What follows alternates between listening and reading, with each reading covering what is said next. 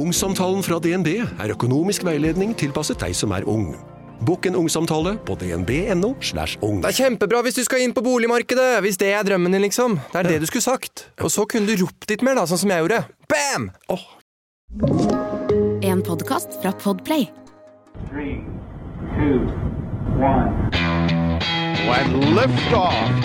One, two, three, four, five, five, four, three, two, one. Okay, we checked all four systems, and there you go on modulation, all four, and keying with a go. Quality base here. The Eagle has landed. Noen ganger så snakker vi om ting som eh, skjer, og noen ganger snakker vi om ting som skal skje, og andre ganger eh, snakker vi om ting som ble planlagt, men aldri skjedde. Eh, og dette er et godt eksempel, eh, kjære Ørven, på det som eh, ble planlagt, men aldri skjedde. Hei, Eirik! Hei, hei. Eh, litt romhistorie, og det syns jo jeg ofte er gøy, når Ja. man kommer til de litt sånn Sjuke planene. planene. For, for, for da begynner jo liksom min fantasi å løpe, ikke sant? På tenk hvordan det kunne ha vært hvis, ikke sant? Tenk hvordan det kunne ha vært hvis eh, NASA gikk for eh, Werner von Braun eh, sine planer om kolonisering av Mars, ikke sant? Ja. Tenk hvis, og tenk hvis vi hadde hatt kjempesvære romstasjoner eh, som ikke bare var sånne laboratorier, men eh, hvor det faktisk bodde folk, vanlige folk, som holdt på med vanlige ting, bare at de bodde i verdensrommet. Planet size. De blir jo kalt Ja. faktisk for inside out planets, eller vrengte planeter. Så det er vrengte planeter vi skal snakke om i dag. Hvor altså du lever i kanskje i noe som for eksempel kan være kuleforma, men hvor du ikke lever på utsida av kula, men på Ja. innsida av kula. Ja. Ikke sant? Vrengte planeter kan jo også høres ut som en eller annen sånn form for rundstykke som bestemora di lagde. Ja, absolutt. Og så satt vi der og så på at han eh, Armstrong landa på månen, da, og, og bestemor hadde servert vrengte planeter og svisker og greier. Terteskjell Og og da er det hermed er eh, forretningsideen sendt ut Ja. i uh, eteren. Til bakerne. Ja, til bakerne. Ja. Altså, de trenger alltid nye konsepter. Spaceballs, vrengte planeter, nå Ja. Mm. Der er vi. Ja. Ja, men det stemmer. Uh, og i dag så skal vi da snakke om en visjonær. Ja. Eh, og dette er jo da eh, en, en som da faktisk lenge før For i dag så er liksom den som snakker mest om dette med at vi skal ut i solsystemet, vi skal kolonisere solsystemet og reise utover. uh, det er jo Musk. Han Ja. er jo den som snakker mest om det. Um, Nå har vi holdt på i bare to minutter, og både Werner von Braun og Elon Musk ja, er ja, ja, men det er, godt. hallo, dette ja, er romkapsel. Det er nå føler dere hjemme. Ja. Eh, så, men, men han vi skal snakke med i dag, han heter Gerard O'Neill. Ja, og øh, kan vi bare si at jeg husker første gang jeg hørte om øh, hans planer, det var jo, tror jeg, i forbindelse med at vi måtte snakke om Lagrange-punkter. Helt riktig. Eh, og da tror jeg, mener jeg å huske at det var første gangen jeg i hvert fall hørte om O'Neill-sylinderne. Ikke sant? Og, og, og Lagrange-punktene kommer vi tilbake til, for de er viktige for O'Neill. Ja. Han eh, var jo med på å starte det som heter The L5 Society, og det er Lagrange-punktet L5. Og ikke L2, som vi snakker om. Dette Nei. er Altså, Vi vet at romkapsel har vært litt sånn L2-fokusert, for det er der det er kule ting. Det er liksom der Ja, ikke sant? men, eh, som webteleskopet. Men eh, L5 Ja, men altså, Gerard O'Neill han er jo litt interessant, fordi at i motsetning til Altså, for vi har liksom sånn for Nå er vi veldig fokusert på milliardærene. Mm. Sant? Så det er, ja, det er Bezos, og det er Branson, og det er Musk, og, og sånn. Og, og det er de som snakker om disse visjonære romtingene. Men dette var i gamle dager, da de sånn var stort sett var typ ingeniører, som Werner von Braun, eller da, eh, i dette tilfellet O'Neill, som var professor i partikkelfysikk. Han var en ekte hardcore fysiker. Og han var til og med Altså, han oppfant noe som partikkelfysikere bruker i dag. Eh, Det var sånn Han oppfant lagringsringen for partikler. Det var sånn at når du hadde disse partikkelakseleratorene som er ringformede, og så spinner du partikler opp i høyere og høyere hastighet ved hjelp av magnetfelt, så kolliderer du dem, og så lærer du hvordan de er bygd opp inni. Så sa han hva om vi har en egen ring med partikler som flyr i motsatt retning? Og så, når alle partiklene har liksom sånn høy nok fart, så lar vi to partikkelstrømmer, eller to partikkelstråler, kollidere med hverandre. Så får du ekstra mye energi. Det er det som gjøres blant annet i CERN i dag. Ja, Extra. Large Haldron Collider. Ikke sant? Ja. Og det er da Gerard O'Neill var mannen som da altså faktisk var med på å oppfinne dette. Ja, så noe av det han tegnet og tenkte på, ble faktisk I en realitet? høyeste grad. Dette er veldig viktig for moderne vitenskap. Og så oppfant han da et egentlig ganske kult konsept som han kalte for the mass driver, eller massedriveren. Og det var altså rett og slett en metode for å sende opp stoff fra månen, for eksempel, eh, uten å bruke brennstoff. Og det var å ha en lang sånn én jernbaneskinne, sånn elektromagnetisk jernbaneskinne, sånn sånn, sånn Maglev-tog, Ja. sant? hvor du bruker elektromagnetisme til både å, å få, det, få beholderen med, med stoff til å sveve over skinna, men Mhm. også til å drive den framover. Og fordi det ikke er luft da på månen, så kan du få høy nok fart til ganske greit å skyte det opp fra månen i bane rundt månen og utover til dit du vil. Uh, og massedriver var også en ting som han, han utviklet det konseptet. Og det er da helt sentralt da i, i ideen han hadde om um, eh, ideen han hadde om, da, om disse svære roterende romstasjonene Dette sine. her har du sånne der railguns som man på et eller annet tidspunkt eh, har hørt om. Ja, de er kule. Eh, Elektromagnetiske kanoner, ja. Ja. Ja, det er jo en historie der. Altså, Christian Birkeland, som jo med Birkeland og Eide, som vår eh, eminente astrofysiker, fysiker, som jo var med på å grunnlegge Norsk Hydro, ja, ja.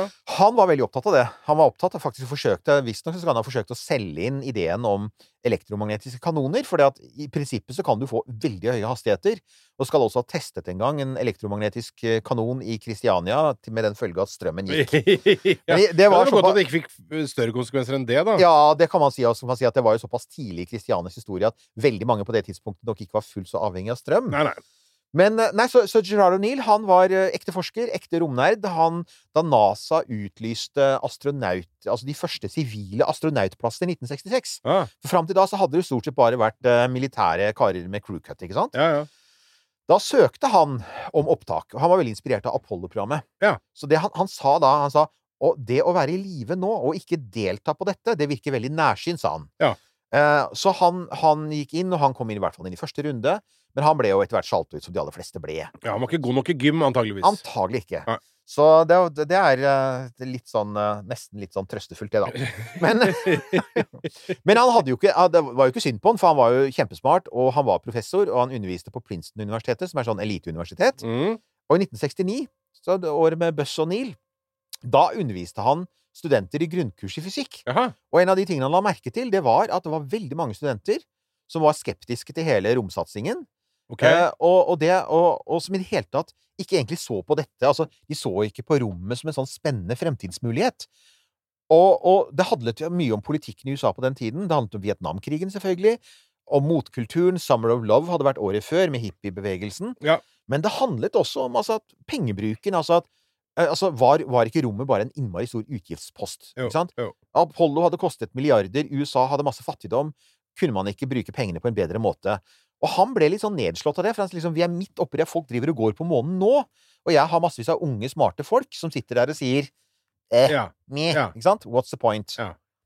Og det var da han uh, stilte et spørsmål. Han, han plukka ut da noen av disse skeptiske studentene sine til et studentseminar.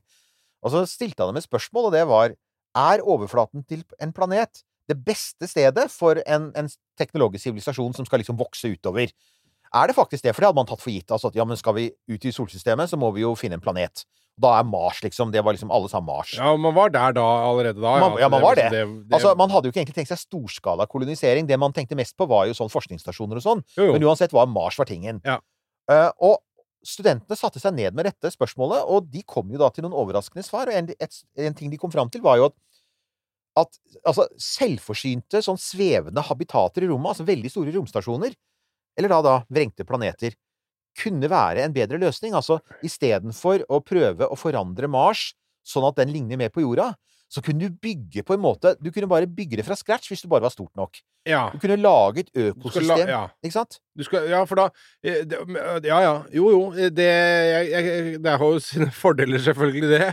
Men eh, altså, jeg kjenner jo at jeg sjøldauer bare av tanken på at man skal lage sitt eget økosystem fra bånda opp. Jeg tror, tipper at hvis eh, Petter Bøckmann hadde sittet her nå, Petter hadde sittet her nå, så hadde han hatt et og annet å si. Jeg tror han hadde hatt en finger i været og sagt nja. Ja. For det er vanskelig nok å gjøre på Mars, og det hjelper ikke å gjøre det i rommet. Men poenget her var jo Altså, dette er jo den, liksom, den, den litt sånn teknologioptimistiske tiden.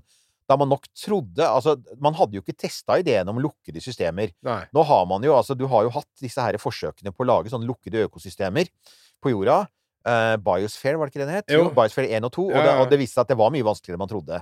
Men det var jo før disse eksperimentene, så man, man hadde fremdeles en slags, slags idé om at hvis du bare passet på å få riktige planter og litt insekter, og, og selvfølgelig dyr og, og, og mennesker, så, så ville liksom dette da Det ville Ja, man skulle jo tro at det ville holde, for at hvis man har alle Men altså, da et økosystem er nesten sånn at det er, det er to pluss to er eh, fem. Ja. Det Der, for at det er en eller annen Altså, det er mer enn summen av sine deler. Du kan si at Virker det nesten som. Ikke sant? Nei, for, for, for, for poenget med å ha det er jo ikke bare fordi det er en fin ting å ha. Det er jo også for at du skal slippe å importere masse råvarer. For Ja. eksempel, du vil gjerne ha et økosystem som produserer nok oksygen. Altså at du har planter nok til å regenerere oksygenet. For du har ikke lyst til å drive og importere oksygen, pusteoksygen hele tiden. Det er jo noe av det som for eksempel gjør rom, romstasjonen så dyr. Er at sånne basic stuff som vann og luft må fraktes opp, og det veier ganske mye. Og det, vi vet at i verdensrommet er vekt dyrt. Så så det var tanken. Og, Mm. og det da O'Neill gjør, er at han ser på disse prosjektene, og så kommer han opp med sin egen variant. For at man hadde sett for seg ringformede, smultringformede eh, romstasjoner. Og kuleformede. Ja, for ja, ikke sant? Kuleformede det forbinder vi med ondskap, for det, det It's not a planet, it's a space station. Ikke Og det er dødsstjernen. Det er i praksis dødsstjernen. Eh, og så har vi jo Altså, den, den sirkelformede Å, oh, unnskyld, vet du! Nei. Du har helt rett. Det har jeg aldri tenkt på før, men det må jo være en kobling. Vi veit jo at dette skjer altså på midten av 70-tallet. Det er da unge George Lucas sitter og gjør Ja. researchen. Han, han har jo sagt det selv. Han leste alt. Han leste Tolkien, han leste folkeeventyr. Han leste massevis av tekniske rapporter. Han, dette var jo kjent på den tiden. Man var begynt å snakke om det. Han hadde jo publisert artikler, blant annet. Så det er der eh, O'Neill er inspirasjonskilden til eh, dødsstjernen, altså. Det kan være, for at det er helt klart et sånn Det er jo en sånn diger Det er en sånn diger bebodd sfære, ikke Ja, sant? Ja, ja, ja. Men, men, jeg, men det, det jeg skulle fortsette med, var jo at de sirkelformede, altså de som ser ut som et, et, et hjul med et nav og, og, med nav og, og eiker, er jo det vi på en måte har sett uh, mest til på en måte, så, så, I 2001, for eksempel. Der har man jo Ja. det. Uh, og i filmer som eh, Elysium, er det det den Helt riktig. Uh, der. Så har man jo også det. 1202. Og det, er, det han egentlig gjør, er at han, han lager, tar disse her sirkelformede, og så tar han vekk midtdelen, og så bare forlenger han det i lengden. Og det er for å få nok flate. For det han sier, er at hvis du skal lage et sånt stort hjul, da, Ja. så er det innmari mye metall og ganske lite plass. Så det han vil gjøre, er han vil maksimalisere plassen. Lage et rør. Og da, og, og, og da, nemlig, han vil lage et rør. Og du skal jo lage gravitasjonen ved at den spinner. Ja. Men hvis du da for eksempel har en kule, som da var det første forslaget, så vil jo gravitasjonen variere gjennom hele, for jo nærmere du, jo høyere opp du kommer på sidene, Ja. jo lavere blir gravitasjonen, pluss at du står på skrå og alt dette her rare.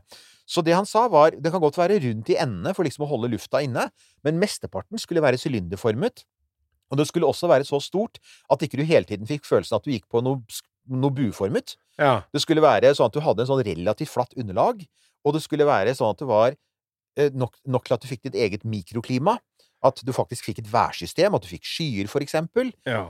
Uh, og selvfølgelig at ikke du fikk klaustrofobi av det. At ikke du så rett opp og på altså liksom sånn Rett opp i taket, ja, veggen, og 100 meter over hodet ditt så står det folk som står med huet opp og ser ned på deg. ikke sant? Men at det er Det så ikke langt gøy? ikke sant? Men det er såpass langt at, som han sa med, altså han så for seg da eh, tre mil lange og åtte kilometer brede sylindere. Og da er det å se over til den andre siden på sylinderen, Ja. det er som å være passasjerfly og se ned på bakken, ikke sant? Det er jo nesten en mil. Ja, ja. Så det, det er jo det han så for seg. Og da forsvinner, sier han, mye av den følelsen av å leve i en trang sylinder. Du får følelsen av å leve på en planet, men uten alle ulempene ved å leve på en planet. Og selvfølgelig en av de store fordelene er når du spinner rundt, så kan du få 1 G. Du slipper problemet med en tredjedels G på Mars og en sjettedels G på månen. Så ja, uten alle ulempene med å leve på en planet. Ja, ja, ja! ja. Som om vi egentlig kjenner til noe annet. Uh, Nei, det er altså, bare ulemper. ulemper. Det er Det er bare ulemper. Det er bare det er slitsomt nok å leve på ja, jorda. langt å gå og reise seg opp, og det er jo et hel... Og så er det jo mye Ja, men ok. Men altså, da, er- du har da tre mil langt og åtte kilometer bredt. En Mm. brei Det er dimmen på den sylinderen. Ja, og så er det da Så tenker du, ok, hvordan skal du få Altså, dette er jo innsiden av en sylinder. Hvordan får du lys inn i den? Og her, det er her det blir interessant, da. Du kunne jo hatt svære, altså gigantiske lamper som på, på, på tre forskjellige steder, som kasta lys til motsatt side. Ja. Men istedenfor så vil han bruke naturlig lys, han vil slippe inn sollys. Det vil si at denne sylinderen består i praksis av seks eh, segmenter. Tre segmenter som folk bor på, og tre eh, Som er himmelen, liksom. som er, ja, ikke sant? Og så er det tre som er, som er, som er som glass Det er altså tre mil lange glasspaneler som strekker seg nedover hele, Mm. og som slipper inn sollyset. Og, og det er altså For igjen, han vil gjerne ha naturlig lys. Han vil ikke, du skal, vil ikke at du skal bruke kunstig lys. Nei. Det gjør at halvparten av volumet innvendig går bort til bare glass. Ja. Og der kommer lyset gjennom. Og da, det lyset, så da, og da er det, altså det er jo symmetrisk grunn, så det vil si at lyset som kommer gjennom ett vindu, faller på den stripa som står rett overfor. Så er jo da tingen at du for å få tyngdekraft, så må du rotere. Du må selv med en så stor sylinder, så må du rotere um, hvert annet minutt. Å ja, såpass, ja. Så det vil si at du kan ikke bare åpne vinduene mot rommet og slippe inn sollyset, for da får du dag og natt hvert annet minutt. Så istedenfor så skal du ha Sylinderne skal peke rett mot sola, og så skal de ha svære skråspeil som reflekterer lyset inn. Og så skal du lukke de speilene sånn åtte timer hvert døgn, altså sånn at du får naturlig dag og natt. Og da begynner du å snakke om at vent nå litt, da snakker vi om tre mil lange, gigantiske, flate speil i tillegg til disse gigantiske Ja, ja, sylinderne. Ja. Så vi er, vi er, det, blir liksom det er mer og mer som skal til her. Ja. Og ja. To, altså du, du får da så det er 100 og med den Jeg bare gjør et sånt kjapt regnestykke på, på størrelsen her. Eh, og så hvis du deler det på to, så har du Du har 120 millioner kvadratmeter. Ja, det kan stemme. Altså på innsiden av en sylinder, Ja. ikke sant? Ja, for det Ja. er det du kan gjøre. Du kan Ja, ja, regnestykke for innsiden av en sylinder. Du har halvparten her, altså. Og så tar du halvparten av det. Ja, det er og det- 120 Ja, og det du ender opp med, da, er jo um, uh, Altså, det du ender opp med, er ganske mye. Du ender opp med ganske mye landområder. Ja, ja. Men så er det selvfølgelig at han ønsker seg jo at du skal ha noe som ligner litt på et økosystem. Så det vil si at du må f.eks. ha plass til innsjøer, du må ja. ha plass til skog, og så må du ha mye plass til landbruksområder. For det skal være selvforsynt. Du skal ikke importere maten. Ja. Så jeg satte meg også litt ned og regna på det, og så fant jeg ut at hvis du skal sammenligne det, da Jeg kom til at det beboelige arealet innsiden av en full, sånn, en full size sylinder er ca. 400 kvadratkilometer. Og det er ganske mye. Det er, altså, det er, det er, det er mye plass. Nederland er et land som er naturlig å sammenligne seg med. Nederland er jo et flatt land. Ja. Nederland er også veldig fruktbart. ja. Og det er veldig befolkningstett, men de har veldig høy befolkningstetthet, og samtidig så er de selvforsynte med mat. De eksporterer jo faktisk mat. Eh, og da, da kommer jeg til at Nederland har 522 innbyggere per kvadratkilometer. Norge har bare 15. Mm. Det er sånn, Der har vi en for alle, alle de fine fjellene vi liker å gå i. ja, ja, ja. Altså. Nederland har ikke det, Nei. så vi kan godt le av nederlendere som ikke har fjell, men til gjengjeld så har de stort sett Det er et eneste stor åker, ikke sant? Ja, ja. Og, De dyrker det, jo mye fint i å Nederland. ja, det gjør de jo. ja, Det gjør de. Det- Nemlig var det. Så hvis du bare ser på de rene rå tallene, så har du i Mm. hvert fall 200 000 mennesker per sylinder. Men så kan du tenke på effektivisering. Hvis du trekker fra f.eks. alle tulipanene og de andre tingene Ja. som man dyrker i Nederland, så, og, og, og tenker på at du kan gjøre matproduksjon mer effektiv, så er det ikke noe tvil om at, at en sånn sylinder kunne opprettholde, altså kunne holde i live kanskje en million mennesker, ikke sant? Ok. Og da, har vi, da snakker vi om en million mennesker i hvert rør, og, så, og da er jo tanken til O'Neill det er jo da at disse rørene skal være i Lagrange-punktene. eh, for å være stabile, sånn at de ikke driver og, og svever omkring for seg selv i rommet. Ja, helt sånn. Ja. Eh, Så de skal være samla i to spesifikke Lagrange-punkter. Det er de som kalles for L4 og L5. De ligger mye nærmere enn L2. De er eh, på 60 grader til venstre og til høyre for månen, for de, går, de er i samme bane som månen. oh, ja. Men, men altså sånn fordelt symmetrisk på hver side av månen, sånn at månen og jorda og L4 og L5 er en likesidet trekant. Det er som en kjempesvær trekant. For da, er liksom, da holder gravitasjonen seg i sjakk. Mm. Så Så da vil det også være mulig å reise på besøk til de forskjellige altså, sylinderne? Nemlig, og det er jo en av de store fordelene som man peker på, er at det er mye lettere å bygge kolonier der enn på Mars. For på Mars så tar det åtte måneder å komme dit, og du, du kan bare reise hvert annet år. Så i praksis så ender du ofte med å vente flere år på å i det hele tatt komme dit og sende ting dit. Her er du to-tre dager unna, ikke sant? Ikke sant? Og, ja. og all kommunikasjon er veldig enkel, for du ser jo jorda, og det tar bare en halvannet sekund å sende et signal til jorda. Så du kan fremdeles prate med folk på telefon. Og hvis dette, disse sylinderne, som for planen er jo etter hvert at de skal jo bli sjølberga, men også begynne å produsere og, og blant annet industri Altså ha industrier som kanskje er for farlige å ha på jorda. Hvor mange så- sånne sylindere er det plass til uh, i ett punkt? Ja, det er, det er mange. Det kan ok. være tusenvis. Ja, okay. Så det han ser for seg, er at du starter først liksom med noe sånn et par, og så etter hvert som de begynner å generere inntekter, kanskje skal de tjene penger på å ha store solcellekraftverk i rommet, som vi har snakket om før, selge strøm til jorda, og så etter hvert så er meningen at du skal flytte mer og mer av farlig industri på jorda ut i rommet. Til en egen industrisylinder? Ja. Ja. Og så er jo også tanken, og det han, en av noe av det som har inspirert han, er jo På 70-tallet så er man veldig opptatt av miljø. Det er han òg, så han bruker miljøargumenter. Så det han sier, er at hvis vi kan flytte all, all den farlige all, den, eh, all den miljøskadelige produksjonen, så mye som mulig av den ut i rommet, så er det bra for menneskeheten. Eh, Og jo flere folk som bor ute i rommet, og jo færre som bor på jorda, jo desto bedre er det for økosystemet på jorda. Ja. Eh, Som jo for seg er en god tanke. Og så sier han en ting til. Han sier at eh, altså, jorda er et begrensa system. Det er faktisk grenser for hvor lenge vi kan utvikle oss på jorda. Før eller senere så slipper vi å få plass eller vann eller luft. Men i rommet så er det evig med plass. Ja. Så her er det jo bare å bygge nye sylindere. og Han kommer da vi, ha, vi har sett et sånt regnestykke for ikke så lenge siden med noen som sa sånn Hvor mange mennesker er det plass til i solsystemet? Han Ja. sier jo da i den boka han skrev, han skrev en bestselger som heter High Frontier i 1976, og der skriver han jo at han tror at det er potensialet for at du kan ha 20 000 ganger flere mennesker i rommet i solsystemet enn på jorda, og på jorda var det 4 milliarder mennesker den gangen, så det er da Hva er det for noe? Ja, det er Bare at Uh, Jeg er ikke så huregner. Jeg har, jeg har noen jeg par spørsmål. Ja. Har du spørsmål? Jeg har noen spørsmål. Det første spørsmålet er You have questions. Ja. Yeah!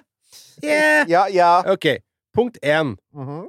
uh, han altså, jeg, jeg elsker konseptet. Det er dritkult. Elsker det. Og du vet at folk elska det på 70-tallet. Det fins klipp av han på YouTube. Han var på alle talkshowene. Ja. Boka ble en bestselger. Det var på den tiden da Carl Sagen begynte å bli svær òg. Ja, ja. Så han og Carl Sagen var liksom De kapte Ja. sånn derre eh, der, Altså disse her svære talkshow-hostene på 70-tallet.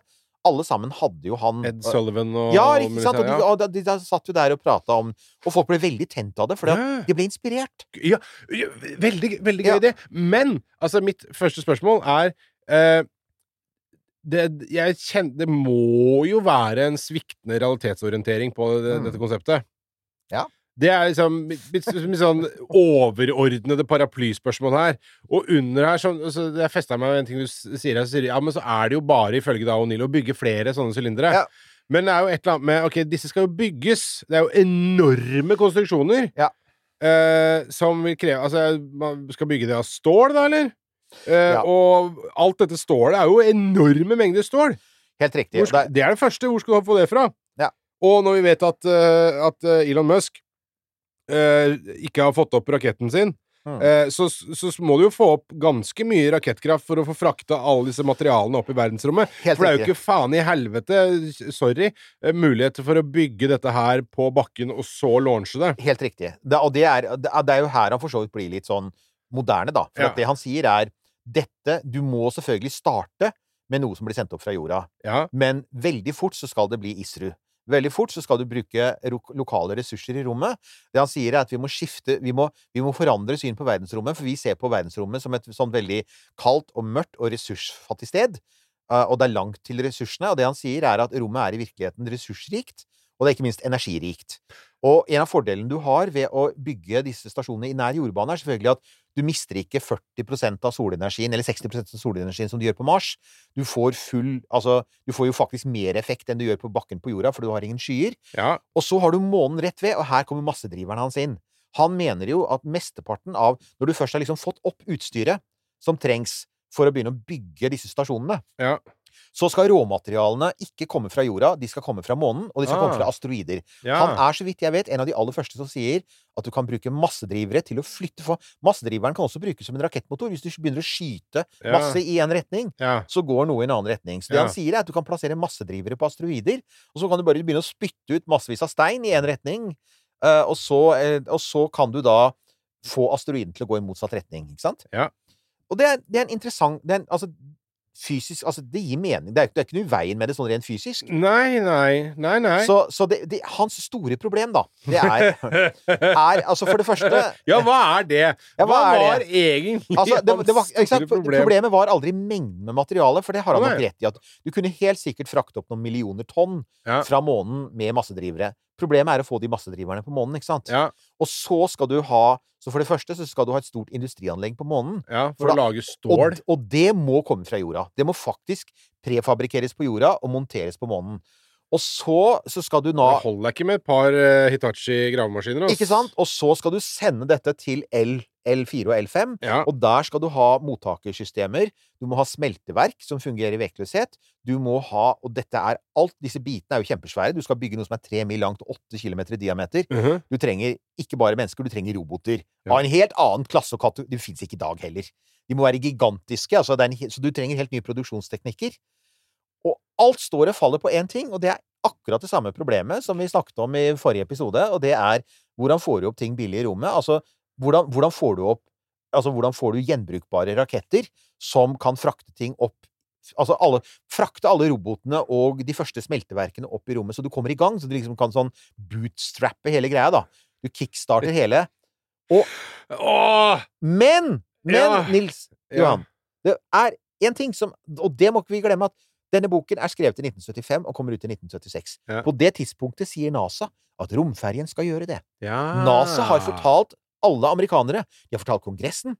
De har også fortalt Gerard O'Neill, og han tror dem på det. Han er jo NASA-fan. Ja. Så når NASA sier at romferja skal skytes opp mange ganger daglig, og den skal gå i skytteltrafikk, Mm. og den skal frakte massevis av mennesker, og den skal frakte opp, øh, den skal frakte opp øh, nyttelast til en pris av 100 dollar per kilo, som er ingenting i romfartssammenheng. Altså, uh, Falcon 9 er vel de billigste. Jeg tror de ligger på sånn 2300-2400 dollar per kilo nå.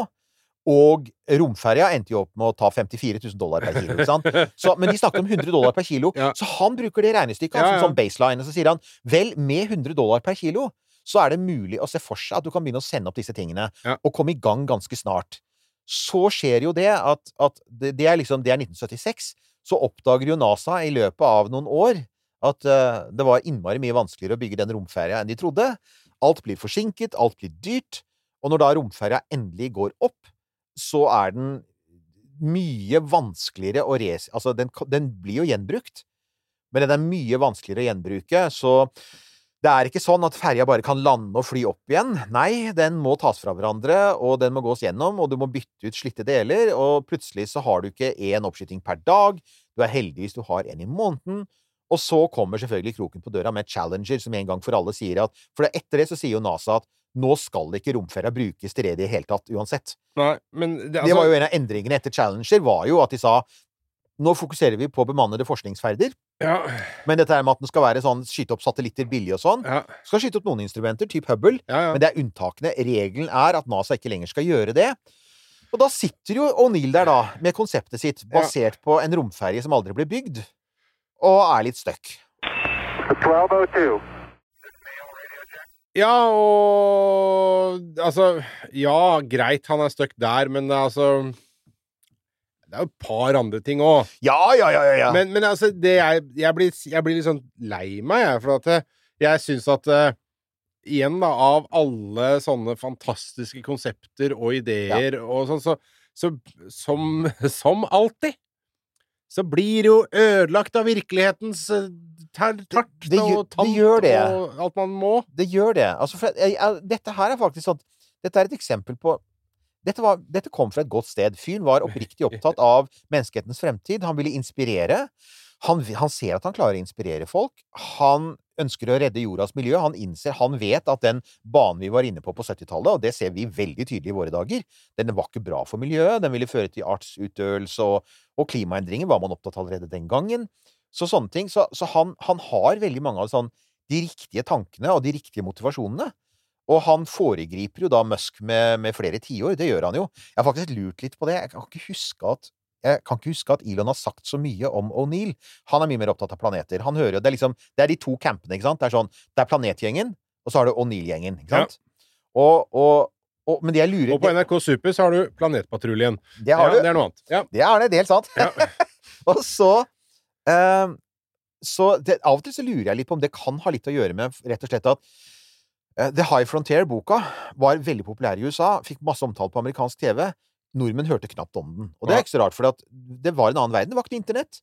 Kanskje ingen i Sør-Afrika har hørt om Det er den hele eh, boka heller. Jeg, han, eh, altså, vi har jo snakket om Elons oppvekst, og han, er veldig, han snakker mye om hva han leser. Jeg kan ikke huske at han noensinne sier at han leste The High Frontier, og det kan skyldes noe så enkelt som at Sør-Afrika, som var som Norge, eller faktisk enda mer på grunn av apartheid, var ganske isolert, og ikke fikk med seg mange av trendene. Det var massevis av bøker som aldri kom til Norge, det var massevis av tanker, dette vet jo jeg, for jeg var jo, det var jo min barndom, det var jo bare så frustrerende. Ja. Jeg leste om det, jeg er jo halvt engelsk, så jeg leste jo, jeg abonnerte jo på engelske blader, og faren min hjalp meg med å skaffe masse bøker, så jeg leste om ting det aldri ble snakket om i Norge, som for eksempel avanserte romkonsepter som High Frontier, da.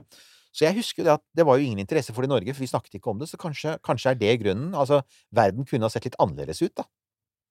Ikke Så definitivt. Kanskje vi, hvis vi hadde hatt uh, Tenk deg det, da. Og, men igjen, da, da begynner igjen, det er fantasien min. Tenk deg så gøy det hadde vært om vi hadde hatt en liten timeshare oppe i O'Neill eh, 4. Ikke sant? Eh, tar du påskeferien i Lagrange 4 med god stemning og komme seg litt vekk.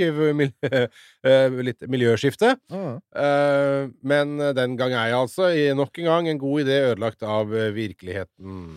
Men altså, det fins jo en eh, Altså, det jo en sånn arv etter O'Neill den dag i dag, og det er jo uh, Det er jo at det fins én der ute som faktisk ønsker å bygge disse sylinderne, og det er han andre rommilliardæren. Det er Jeff Bezos. Ja! Så folk har jo ofte lurt på hvorfor i all verden vil han sende raketter opp i rommet, ja. når han ikke sender opp denne dildoen sin med vennene sine? ja. Liksom, hva vil han da? Jo, han har jo en, han har jo en kjemperakett som han ennå ikke har skutt opp, fordi at de de gjør jo ikke det i det selskapet. Nei, Det Nei ikke- men, er- men så kan det hende at det viser seg at det er en bedre strategi enn å bare fyre på lunta så fort den er der. Ja, det kan faktisk hende. Ja. Og, og han har da denne raketten New Glenn, som skal være da en utfordrer til Starship slash Falcon 9, eh, og, og være gjenbrukbar, og som skal få ting billig opp i rommet. Og en av de tingene han har sagt, Jeff Bezos, han har han har holdt foredrag om det, det er at han støtter fullt ut eh, Gerald O'Neill sitt argument for å, å bygge disse roterende romstasjonene. For for å bare si at eh, O'Neill døde i 19, 1992. Han fikk kreft, dessverre, og døde ganske ung. Men, eh, men altså eh, Jeff Bezos forteller at han, han leste O'Neills bøker på 80-tallet, og han fulgte eh, prosessen hans. Altså, han fulgte det han holdt på med. Blant annet så ble han, han ble ganske opptatt av dette med å sånn lobbyere politikere gjennom en sånn egen organisasjon. Så vi har jo The Mars Society, som jeg har nevnt et par ganger, som jeg fremdeles er medlem av. Ja. Uh, som er disse alle, alle vi gærningene som vil kolonisere Mars. Og så har du The L5 Society, som etter hvert ble til det tror det ble, det, ble det noe sånt noe som The Space Science Institute eller noe sånt noe, som også er blitt en sånn frittstående lobbyorganisasjon som han ble involvert i. Ja, Jeff Bezos? Eh, eh, unnskyld, Gerald O'Neill- før okay. Han døde. Ja, ja, han, helt til han døde, så jobbet han jo med dette for å promotere det. Og dette ble da lagt merke til av Bezos, som jo på det tidspunktet da O'Neill døde, var så smått begynt å tenke på å starte Amazon. Mm. Så han har også vært der hele tiden med at, i likhet med Musk, at han vil tjene penger for å gjøre noe annet. Eh, og i hans tilfelle så er det disse roterende romstasjonene, og han har et, der fins et foredrag hvor han snakker om dem. Eh, og det han sier, er Det er som å høre Gerard, Gerard O'Neill. Det er sånn uh, Du må gjøre det for Altså, det er ikke bare for å, for å komme ut i universet. Uh, det er også for å redde miljøet, det er for å flytte farlig industri opp. Og ikke minst å kunne fortsette økonomisk vekst. Verdensrommet er endeløst stort, omtrent.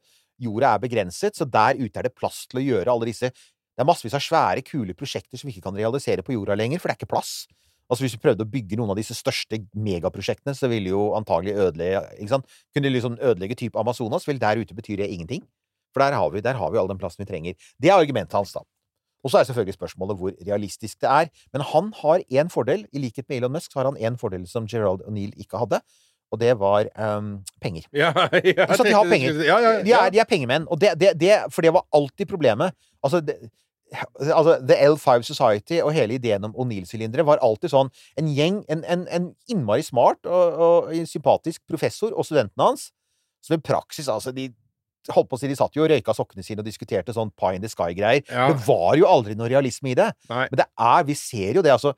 Nå står jo faktisk Starship på paden nedi, og den skal etter sigende til Mars. Om man klarer det, vet vi ikke.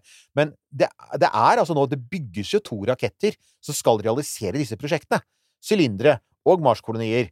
Så får vi se om de Og, og det, det må jeg si at det er, en, det, er, det er et fremskritt fra tilbake til 70-tallet, hvor alle drev og snakket om å gjøre disse tingene, men det var bare mer sånn Jo, jo, jo, jo da, og eh, greit nok, men og, ting det kan sikkert komme til å skje, og Where's My Hoverboard og alt det der, Ja. Men, men det er bare at det, altså, en sylinder, sylindrisk eh, enorm eh, romstasjon i L4 eller L5 er ikke noe vi kommer til å se i vår levetid. Nei, det er det ikke. Det er det ikke.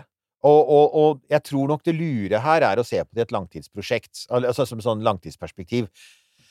Jeg tror kanskje, hvis vi noensinne kommer dit at vi skal gjøre store ting i rommet, så tror jeg nok at vi kan komme til å ende opp med noe som ligner på det, blant annet fordi at hvis vi skal reise langt, da, så kan vi ikke reise i små romskip. Vi må reise i store romskip. Og, og da passer jo faktisk disse sylinderne veldig godt. Så hvis vi for eksempel vil flytte masse mennesker utover i solsystemet, så, så kan det godt være at vi ikke bare flytter folka, men at vi faktisk tar en bit av jorda med oss, ikke sant? Wandering Earth. Ja, eh, ikke sant? Litt Wandering Earth. Eller sånn, det sånn romarker, eller space arts. Jeg, sant? jeg- det, det har jeg sittet og tenkt på helt siden vi begynte å snakke om eh, dette her eh, som var i starten av denne episoden. Eh, det var en serie som jeg begynte å se på på en eller annen strømmetjeneste Mhm. om et sånt generasjonsskip. Ja. Som uh, frakta skulle et eller annet sted, eh, og det var, ve var veldig stilig scenografi, for det var liksom sånn 60-talls-design på, på alt Nice. mulig. Uh, jeg husker ikke hva den uh, serien heter. Jeg kom ikke lenger enn til et par episoder uti, men nå som oktobermørket senker seg, så kan det hende at den Kan det være å plukke det fram igjen? igjen? Ja, så, ja, nei, altså generasjonsskip er jo en uh, det, det, det, så, det, du, du, Man tenker nok veldig fort at det blir litt sånn zombie-apokalypse. Når man er der ute mellom stjernene og Ja, helt aleine, ja. og uh, du, du er blitt født der, og du skal dø der, og du kommer aldri fram, og det er sånn Mm. 50 generasjoner til noen Mm. kommer fram. Så jeg tenker jo at uh, det er kanskje mer opplegg for en skrekkfilm enn for en science fiction-film. Ja. Men, men øh, Wall-E! hvor jeg nemlig Men hvorom alt er, da, så er det jo det er, Altså, jeg, jeg, jeg syns Det som var, var positivt med det O'Neill gjorde, var at på et tidspunkt i USAs historie hvor veldig mange amerikanere, mange amerikanere var liksom, hadde gitt litt opp, da. De var litt sånn OK, så dro vi til månen, og så er vi ingen steder, ikke sant? Ja. Jo, jo, vi skal bygge dette her flyet som skal opp og ned, romferja, men, men, men hallo, altså og det er jo egentlig bare sant? Det er en glorifisert buss, liksom. Ja. Så, så liksom, hvor, hvor er alt det kule? Liksom? Hvor er alle disse her eh, visjonene, og, og hvor ble alle planene til NASA og månen og Mars og alt dette her av? Så kommer han da og sier at ja, men altså Vi kan jo fremdeles tenke store tanker, og vi kan legge store planer. Og det er ikke sikkert at de er veldig realistiske, men det er viktig å ha dem der, og viktig også å fortelle også eh, folk flest, da, at verdensrommet handler ikke liksom bare om å plukke ned steiner fra verdensrommet med romsonder, men verdensrommet kan jo være et sted hvor det er, ja, det er lov til å drømme, og det er lov til å, å fantasere, og kanskje tenke at menneskehetens fremtid også kan være her. Det, det er en sånn tanke som jeg liker veldig godt, da. Vet du hva jeg har eh, Dette er en ting som jeg blir påminnet om stadig vekk. Det er mm. viktig å ha noe å glede seg til. Ja. Det er jo faktisk en av de Det er en av de beste tingene som eh, Musk har sagt, er jo dette at han, han ønsker seg at folk skal våkne om morgenen og glede seg til fremtiden. Og det er godt sagt. Det er bare Så må vi se det i lys av hva han er ute og sier for tiden, og tenke "K- Husk på hva du sa den gangen. Det var jævlig godt sagt. Kanskje, Ja. ikke, du skal, kanskje ikke du skal skremme så mye folk Hold deg, hold Hold- ja, hold den, deg selv til den ut, det utsagnet og den tanken der, du, Elon Musk. Ja. Så kan vi alle glede oss til framtiden, selv om det kanskje kan se litt vanskelig ut innimellom. ja. Ok, eh, en annen ting vi kan eh, glede oss til. eh, Kjapp og brutal overgang der. 8. november, Drammen bibliotek. Da blir det livepod med oss to, da. Og kanskje en gjest. Vi får, Vi skal jobbe. se. Vi, vi er på saken. Vi gleder oss til fremtida.